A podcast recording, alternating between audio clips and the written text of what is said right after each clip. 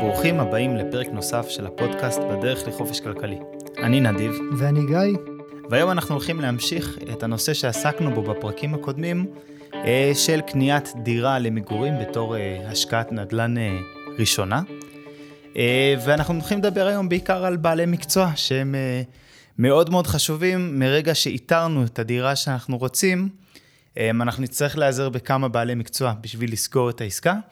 אנחנו ננסה לתת קצת טיפים איך להתנהל מול בעלי המקצוע האלה, מה צריך לשים לב, מה אולי יותר חשוב, פחות חשוב. אמ, ובאמת אה, בואו נחשוב מה הבעל מקצוע הראשון שאנחנו פוגשים, אחרי שאיתרנו את הדירה שאנחנו רוצים אה, לרכוש.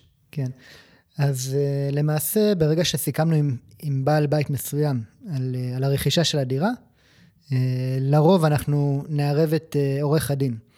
והתפקיד של העורך דין זה להגן על האינטרס שלנו בתור הקונים. וזה תפקיד שהוא מאוד מאוד מאוד חשוב בעסקאות נדל"ן. הוא התפקיד הכי חשוב. יש... בצורה הכי פשוטה. יש כל כך הרבה מקומות וכל כך הרבה מקרים, אם, אם, אם תיכנסו לאינטרנט ו, ותחפשו מקרים של אנשים ש, שנפלו בעסקאות נדל"ן כאלה ואחרות, אה, בין אם זה הונאות, בין אם זה כל, כל, כל מיני בעיות.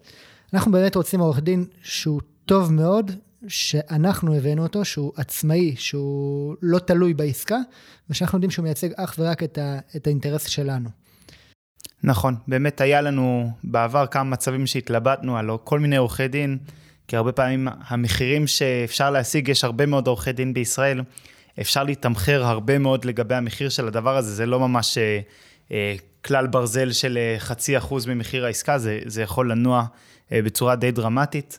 אה, ועורך דין שמתמחה במקרקעין, עורך דין שאתה סומך עליו, עורך דין שאתה יודע שהוא עושה את העבודה בשבילך והוא מרגיש אחראי באופן אישי לכך שאתה תהיה מוגן, לא רק אה, בעת חתימת החוזה, אלא גם החוזה יגן עליך גם 10-15 שנים אחר כך ויהיה למי לפנות. אה, בגדול, ברגע שאני וגיא מצאנו את העורך דין שאנחנו עובדים איתו, וראינו כמה שהוא מסור אלינו וכמה שהוא מקצוען, הבנו שזה מישהו שאנחנו רוצים גם אה, לרוץ איתו לטווח ארוך. כן, אמרת ו- ואני אדגיש באמת עורך דין שהוא עורך דין מקרקעין, לא, לא, לא... כן, גם אם אח שלכם עורך דין או בן דוד, או אם הוא לא מתמחה במקרקעין, אז זה פשוט אה, לא רלוונטי.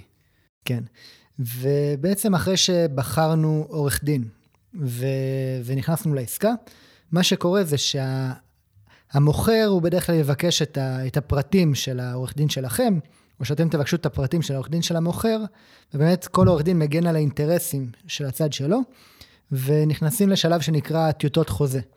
למעשה, העורך דין של המוכר, בדרך כלל, הוא זה ששולח את, ה, את הנוסח הראשון, אה, מין כזאת הצעת אה, מכירה, שמפרטת את כל התנאים של ההסכם, ויש הרבה תנאים להסכם. אה, ואז העורך דין שלכם עובר על החוזה ושואל שאלות ואומר לו, תשנה פה, תכתוב ככה. אתם יכולים לסמוך על עורך דין שיעשה את העבודה ו- ולא להסתכל אפילו על החוזה. אני באופן אישי, אני אוהב לקרוא את החוזה לעומק, ואני גם מכווין את העורך דין במה כן, חשוב. כן, תמיד כדאי להבין על מה אתה חותם, זה, זה נראה לי אפילו די ברור. כן. עכשיו, העורך דין הוא באמת הבעל מקצוע הכי חשוב, אבל הוא גם בעל מקצוע הכי, הכי מקצועי במרכאות, עם העבודה הכי ספציפית, הכי, שצריך להגיע לרמת המומחיות הכי גבוהה, ולכן צריך למצוא איש מקצוע שהוא כמה שיותר טוב. אה, עוד בעלי מקצוע שהרבה פעמים נכנסים לסיפור הזה, זה אה, יועץ משכנתה. שם, יועץ משכנתה. ו- אה, ושמאי, שעליהם כן. נדבר עכשיו. נראה לי אפילו נתחיל בלדבר על שמאות, מתי אנחנו עושים שמאות מקדימה, מה המשמעות של לא לעשות שמאות מקדימה, אתה רוצה קצת להסביר את העניין הזה? כן. שמ, ש, שמאות מקדימה. מש... קצת להסביר רק מה זה שמאות, להתחיל ברמה הזאת. כן. שמאי, הוא בעל מקצוע שהתפקיד שלו זה להעריך שווי של נכס. שווי של נכס מקרקעין, יש גם שמאים בתחומים אחרים, יש שמאים של חברות, יש שמאים של, של מכוניות. שמאי מקרקעין הוא שמאי שהוא מומחה בלהסתכל על, הנכס מכל הבחינות הרלוונטיות, שזה גם מבחינה של חוקיות הבנייה, גם מבחינה של היתרי בנייה, אה, מבחינת... אה, זכויות הבנייה העתידיות. כן, זכויות, מבחינת מצב הנכס, מבחינת בעיות בנכס. אה, השמאי הוא באמת נותן לנו איזושהי תמונה שהיא... של, של מה הנכס שלנו שווה. ושמאים יש להם כמה מתודות של עבודה, יש כמה שיטות ששמאים עובדים בהן.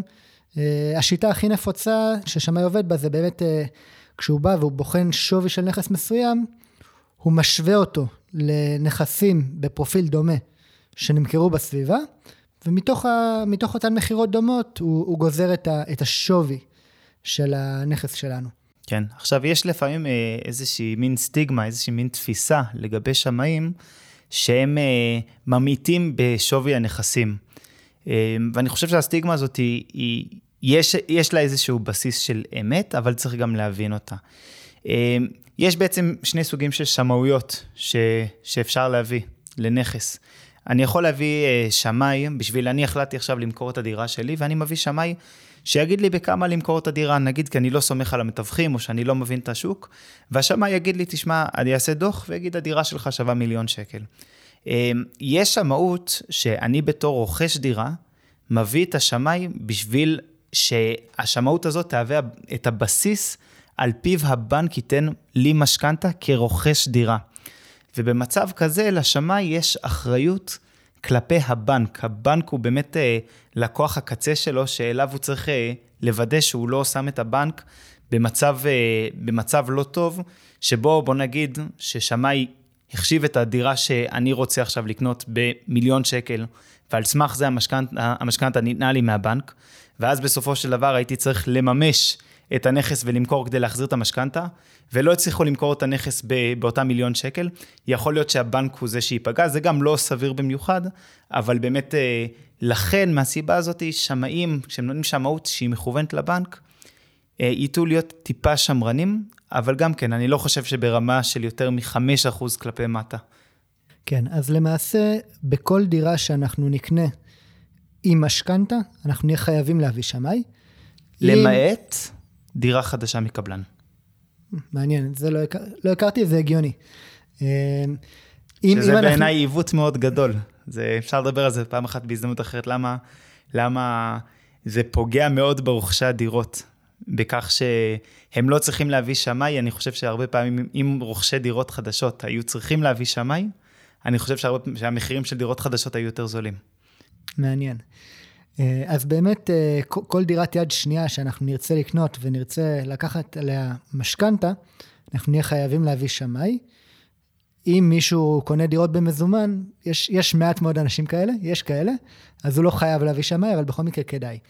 אז באמת, כמו שנדיב הסביר, השמאי הוא נותן את, את, גם את התמונת מצב הכוללת של הנכס, וגם את השווי של הנכס, ו, ואת זה אנחנו מגישים לבנק לצורך uh, קבלת המשכנתה בסוף. נכון, אז באיזה שלב אני מכניס את השמאי? אני מכניס אותו, באותו שלב שאני מכניס את העורך דין, אני מכניס אותו אחרי חתימת החוזה. כן, אז uh, באמת, אפשר ככה ואפשר ככה. Uh, אני, את, רוב, רוב האנשים לא מביאים שמאות מוקדמת. כלומר... אה, למה?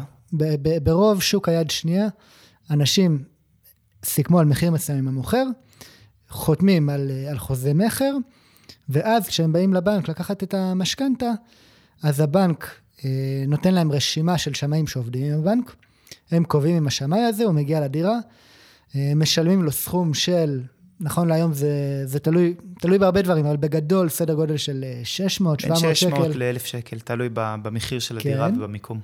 אה, ואז השמאי מגיש את השמאות הזאת לבנק. אתם מקווים שהשווי שהשמאי נתן לדירה הוא באמת השווי ש... שאתם סיכמתם עם המוכר. ושהוא לא יזהה כל מיני בעיות שאתה לא ידעת עליהן מלפני כן, שיכולים גם לעכב את, ה... את האפשרות של לקבל משכנתה, כמו מבנה מסוכן או דברים אחרים. כן. ואז השמאי באמת נתן את, ה, את, ה, את השמאות לבנק, והבנק העביר את המשכנתה והכל טוב. אמ, אני את הדירה הראשונה שרכשתי, אה, רכשתי בלי שמאות מוקדמת. כלומר, קודם חתמתי חוזה, ואז הבאתי את השמאי של הבנק. שוב, זה מה שרוב האנשים עושים. אה, השמאות המוקדמת, החיסרון שלה זה שהיא יותר, יותר יקרה פשוט. כלומר, אם השמאות הרגילה היא איפשהו בתוך הסכם של השמאי עם הבנק. הבנק מביא לשמאי הרבה עבודה, ובתמורה השמאי נותן לו מחירים אה, מופחתים. באמת אמרנו בין 600 ל-1,000 שקל, שמות מוקדמת לרוב תעלה סדר גודל של פי שלושה, פי שלושה וחצי כן, אפילו. לפחות כפול. כן. אה, ו- והרבה רוכשים לא רוצים לשלם את העוד, את העוד כמה אלפי שקלים בשביל השמאות המוקדמת, רוצים לחסוך, לחסוך את הכסף הזה. אני חושב שזה לא מאוד נורא בדירות שהן דירות שבלונה, בדירות שאנחנו, שהן פשוטות להבנה ואנחנו מבינים אותן. בדירות שיש בהן יותר מורכבות ויותר סכנה, האם אני אקבל משכנתה או לא, לא אקבל משכנתה, אני חושב שמאוד כדאי להביא שמאות מוקדמת. אה, אני על הנכס האחרון שלי כן הבאתי שמאי מוקדם, ו- ואני חושב גם שאני אביא שמאי מוקדם לכל נכס, כנראה שאני אקנה בהמשך. כן, אני, אני חושב שעצם בעיניי, אלא אם באמת זו דירת שבלונה הכי פשוטה שיש, אני חושב שהסכנה בעיניי של לחתום עם מישהו על חוזה של אה, דירה בכמה מאות אלפי שקלים או מעל מיליון שקל, ואז לגלות שהבנק לא מוכן לתת לי את המינוף, את ההלוואה שאני רוצה, אה, זה משהו שבעיניי, אם הייתי יודע אותו מראש, אה, בסיכוי כמעט של 100% הייתי בוחר לא להיכנס לעסקה. ולכן, אה, ולכן בעיניי, בשביל אלף שקל או אלפיים שקל של חיסכון, לא להביא את השמאי המוקדם, זה קצת חבל. בנוסף, זה ששמאי שעושה שמאות מוקדמת, הוא הרבה פעמים מזהה דברים. שאתה סתם ככה לא היית מזהה. אה, אבל זה באמת העניין של השמאי. אני חושב שכן משהו שאתה אמרת לי שלמדת בשמאות שלקחת עכשיו, זה גם לסכם עם השמאי. זמן מוסכם שהגיוני לך, הרבה פעמים אתה נכנס למשא ומתן משפטי, כי מצאת את הנכס, אתה מביא שמאי, ואז אם השמאי מתעכב עם השמאות שלו, אתה לא יודע אם אתה רוצה לסגור את המשא ומתן, אתה לא יודע אם אתה יכול לקבל את המשכנתה שאתה רוצה. אה, בעלי נכסים מאוד לא אוהבים את זה שהקונה פתאום אה, קצת מתמהמה, והם רואים את זה כ, כספקנות, שאולי הוא לא קונה, כן קונה, והם לא מבינים שהרבה פעמים זה קשור לשמאי. אני יכול לראות מצב שבו אה, שמאות שמתעכבת, שלוקחת חודש, יכולה ממש להפיל עסקה, זה דבר שלגמרי יכול לקרות. ולכן גם צריך לסכם באמת עם השמאי את הזמן. אה, המוסכם שהגיוני גם לך כלקוח לקבל את השמאות. כן. אה, בנוסף, דוח של, דוח של שמאות מוקדמת אה, הוא הרבה הרבה יותר מפורט. הוא דוח שבודק את הנכס, באמת, הוא דוח של הרבה מאוד עמודים, הוא הרבה יותר מפורט והוא נותן לכם הרבה יותר מידע מאשר הדוח המקוצר, ש... שנקרא דוח לצורך בטוחה לבנק, שרק מעריך כמה הנכס הזה שווה בתור בטוחה. נכון. עכשיו, השילוב הזה של עורך הדין מצד אחד, שבודק את הנכס מבחינה קניינית, משפטית. השמאי מצד שני, שבודק את השווי של הנכס, את העסקאות, גם את מצב הנכס, מצב של השיפוץ וכולי, הם, הם שני דברים שמאוד מגנים עלינו כסוג של, נותנים לנו אה, כל שני איזושהי פרספקטיבה לבחון את התיאוריה שלנו, של ההשקעה. זאת אומרת, אם אני מצאתי נכס והמתווך אמר לי, תשמע, הנכס הזה, בעל הבית מוכן למכור אותו במחיר שחיטה, או למכור לך אותו ב-900 אלף שקל, הבית שווה מיליון. ואני ברוב התלהבות אומר, יאללה, בוא נחתום, ואני מתחיל משא ומתן, ואני מביא שמאי מוקדם, והשמאי המוקדם אומר, לא, זה שווה 850 אלף בכלל. אז א' כל זה נותן לי איזו פרספקטיבה של, רגע, האם, האם אני עושה עסקה טובה? מצד שני, זה גם נותן לי איזשהו כלי למשא ומתן, לבוא לבעל הבית, להגיד לו, תשמע, אני, הייתה לי הבנה מסוימת, אבל בגלל ששמאות אה, בחנה וראתה שטה טה טה טה טה, מסיבות כאלה ואחרות, הבית לא שווה את הסכום שסיכמנו עליו, הוא שווה פחות, אני עכשיו מעדכן את ההצעה שלי לפי השמאות. אה, אני התפלאתי הרבה פעמים לראות שבעלי דירות, כשהם רואים שבאמת יש שמאות יותר נמוכה לדירה שלהם, הם מוכנים לרדת מהעץ הרבה פעמים, כשהם לא היו מוכנים סתם ככה לרדת מהעץ של המחיר שלהם, שזה שלעצמו יכול להיות כבר סיבה להביא שמאות מוקדמת. זאת אומרת, אם אתה מרגיש שבעל הדירה רוצה 50 אלף שקל יותר מהמחיר שוק, ואתה יודע את זה די בוודאות, והשמאות המקדימה מגיעה ואומרת את מה שחשבת, ואתה מראה את זה לבעל הדירה, הסיכוי שהוא יסכים להוריד את המחיר הוא הרבה יותר גבוה, גם משום זה שהוא כבר ראה שאתה רציני, אתה כבר היית מוכן לשים כמה אלפי שקלים בשביל לבחון את העסקה שלו, כבר הכנסת עורך דין, אה, יכול להיות שכבר הכנסת כבר עורך דין, אה, ויש יותר מקום גם למשא ומתן. אז באמת בעיניי ההמלצה הדי כללית היא לקחת שמאות מקדימה. כן, כן. זה, זה, זה בטח ההחלטה הבטוחה. בטח על, נכ... כן, בטח על נכסים שהם, שהם יקרים, אולי על נכסים שהם באמת זולים, של ברמה של כמה מאות אלפי שקלים בודדים, אז אפשר, אה, אפשר לוותר על זה. עכשיו, מלבד הבטוחה הזאת שיש לי, שמצד השמאות אה, ומצד העורך דין, אה, יכול להיות רעיון גם טוב להביא איזשהו איש מקצוע שיבדוק את המצב, התחזוקה של הדירה והבניין. יבדוק האם יש רטיבות סמויה, כי אפשר, אפשר אה, הרבה בעלי בתים, בעלי דירות למכירה, הם, הם מייפים את הבית ומסתירים כל מיני ליקויים כאלה ואחרים. אה, אפשר לראות ליקויים שיש בבניין. אה, זו בדיקה שבדרך כלל תעלה משהו כמו 1,500-2,000 שקל להביא איש מקצוע באמת באמת טוב.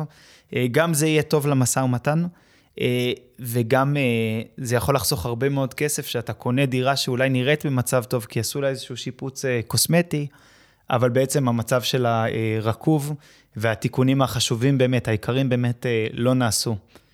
כן. שזה גם דבר מאוד מאוד חשוב. כן, כן. עכשיו, אה, כמו, כמו שאמרת, באמת, אה, הרבה מה, מהדירות שאנחנו נרצה, אנחנו נרצה לקחת משכנתה. אה, יש מקצוע שנקרא יועץ משכנתאות. האם אנחנו רוצים להיעזר ביועץ? האם אנחנו חייבים להיעזר ביועץ?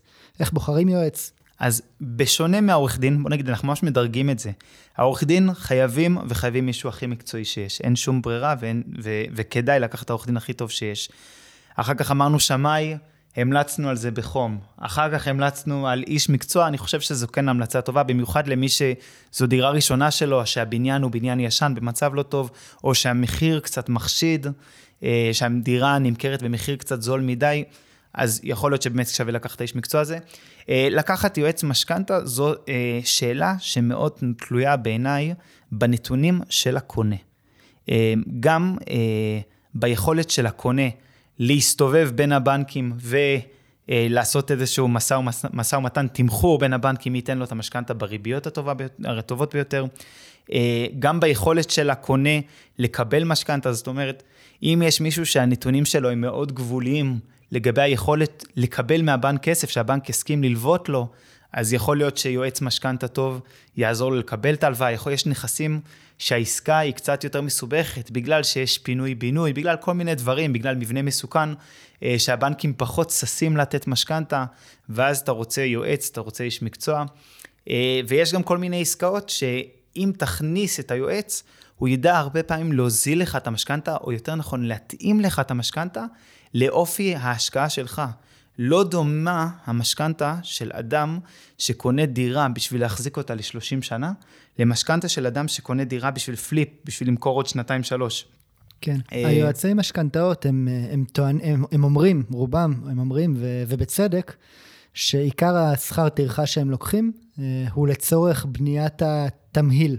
כלומר, למעשה העבודה של יועץ משכנתאות היא מתחלקת לשניים. בצד אחד הוא בונה לכם את התמהיל שמתאים לכם, שזה אומר הרכב המסלולים והרכב הריביות ופריסת השנים ש, שנכונה לכם עם המשכנתה.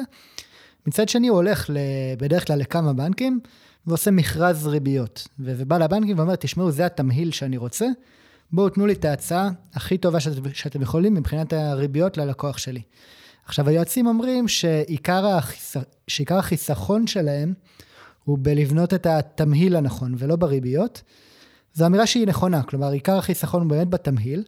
ריביות זה גם חשוב, כל עשירית נקודה בריביות זה סדר גודל של, אה, אה, זה יכול להיות גם 20 ו-30 אלף שקל בתשלום הסופי, אה, אבל... זה לא הדבר שהוא הכי חשוב, אנחנו באמת גם נקדיש את הפרק הבא לעסוק ממש במשכנתאות, ממש איזשהו פרק כולל. אני כן אגיד כאיזשהו כלל אצבע, שלמי שיש זמן, וזה מעניין אותו, והוא מתכוון לרכוש הרבה נדל"ן במהלך החיים שלו. אמ, אני חושב שאולי כדאי שלא ייקח יועץ משכנתאות ו- וילמד את התחום ויתחיל באמת את המשא ומתן מול הבנקים. אה, אמ, תוך כדי עשייה, במיוחד עם הנכסים שהוא קונה, הם נכסים רגילים, ויש לו משכורת אה, יציבה וגבוהה שהבנק אוהב לראות. אמ, אני חושב שהוא יוכל לעשות את העבודה הזאת אה, לבד. מי שחושב... אני חושב שמי ש... תראו, יועץ משכנתה זה, זה בעל מקצוע. וזה בעל מקצוע שמבין את הנושא של המימון לעומק. מי שרוצה לעשות את זה לבד, מצד אחד, ולא רוצה לקבל תוצאות שהן פחותות מיועץ משכנתאות מצד אחר, זה לא קל בעסקה הראשונה, להביא תוצאות כמו של יועץ משכנתאות. ומי שרוצה את זה לבד צריך באמת לעשות חקר שוק עמוק ולהתייעץ על, ה, על התמהילים, להתייעץ איתם עם אנשים שמבינים ועם אנשים שמנוסים ומבינים במימון, ואז זה אולי באמת יוכל להביא תוצאות שהן דומות ליועץ משכנתאות, אולי אפילו יותר טובות. זה, זה נכון מאוד. אמרתי להגיד שמי שבסופו של דבר מתכוון לעשות רק פה עסקה אחת נקודתית, יש לו הרבה עבודה, יש לו הרבה התעסקויות אחרות, אולי לא כל כך פשוט לו לקבל משכנתה מכיוון הנתונים האישיים שלו, אז בטח כדאי לקחת גם יועץ משכנתה.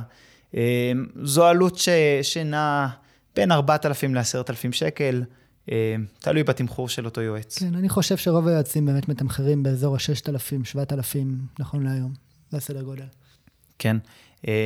אנחנו באופן אישי, או אני, יותר נכון, נגיד על עצמי, שאני אני כן אה, משתמש ביועצת משכנתאות, בעסקאות שאני מרגיש שהן אה, מורכבות, שאני מרגיש שהעסקה עצמה מורכבת, הכסף ש, שאני מביא, הוא מגיע ממימון שהוא קצת אה, יותר מורכב, שהבנק פחות רגיל לראות, אם זה כסף שמגיע ממקורות הכנסה מחו"ל וכולי. אבל באופן כללי, מכיוון שאני מתעסק הרבה בתחום של מקרו-כלכלה, והשאלה של איך לבנות משכנתה היא שאלה שיושבת עמוק בשאלות של מקרו-כלכלה, אני חושב שבשבילי אני מצאתי תמהילים שעושים לי היגיון, בהתחשב בסך המחשבות שלי על המקרו-כלכלה, התחזית המקרו-כלכלית אה, של העולם כפי שאני רואה אותה. כן. יש עוד אה, בעלי מקצוע ש, שחשוב לנו לחשוב עליהם ו, ולהכיר אותם בתהליך הזה של רכישת דירה? הם מתווכים. אנחנו שנינו צוחקים, אה, כי מתווכים, תשמעו, מתווכים זה, זה עולם ומלואו. אנחנו מאוד מכבדים כל בן אדם וכל בעל מקצוע, ויש מתווכים טובים ומתווכים פחות טובים. אה, ומתווך שעשה עבודה טובה ומצא לנו נכס במחיר טוב שלא יכולנו להגיע אליו אה, בכוחות עצמנו, או שעזר לנו למכור נכס שלא יכולנו למכור בעצמנו, אז מגיע לו את העמלה המלאה, אנחנו פחות רואים את עצמנו כ... כאנשים שמנסים להוריד את העמלה של המתווך. אם המתווך מצא לי עסקה שהיא טובה, בסופו של דבר, אם לפי חישובי התשואה שלי, אני מקבל את התשואה שאני רוצה גם אחרי עמלת המתווך, אין לי בעיה גם להגדיל למתווך את העמלה, אה, אם זה משהו שאני מרגיש ש, שמגיע. אה, כן צריך לקחת את מה שמתווכים אומרים עם אה, קורטוב של ספקנות, כי מתווכים בסופו של דבר הם אנשי מכירות. ברמה הכי פשוטה הם אנשי מכירות, הם מוכרים לך מוצר, הם מוכרים לך בית, הם לוקחים את העמלה שלהם ושם הקשר איתם נגמר. כן, אני שומע לפעמים מתווכים אומרים, אתה, אתה צריך מתווך שייצג את הצד שלך, כדי שישמור על האינטרסים שלך. אז אל, אל תתבלבלו, האינטרס של המתווך זה לשמור על האינטרסים של המתווך. תש, תשמעו, בסופו של דבר, קניית דירה, וגם הרבה עסקים אחרים שיש, בעול, שיש בהם אה, תיווך בעולמות אחרים, זה עסקה בין, בין שני אנשים, שני גופים, ויש איזשהו סכום כסף שצריך לעבור מיד אחת ל, ליד שנייה. אה, ומתווך הוא כשמו כן הוא, הוא, הוא גורם אמצעי.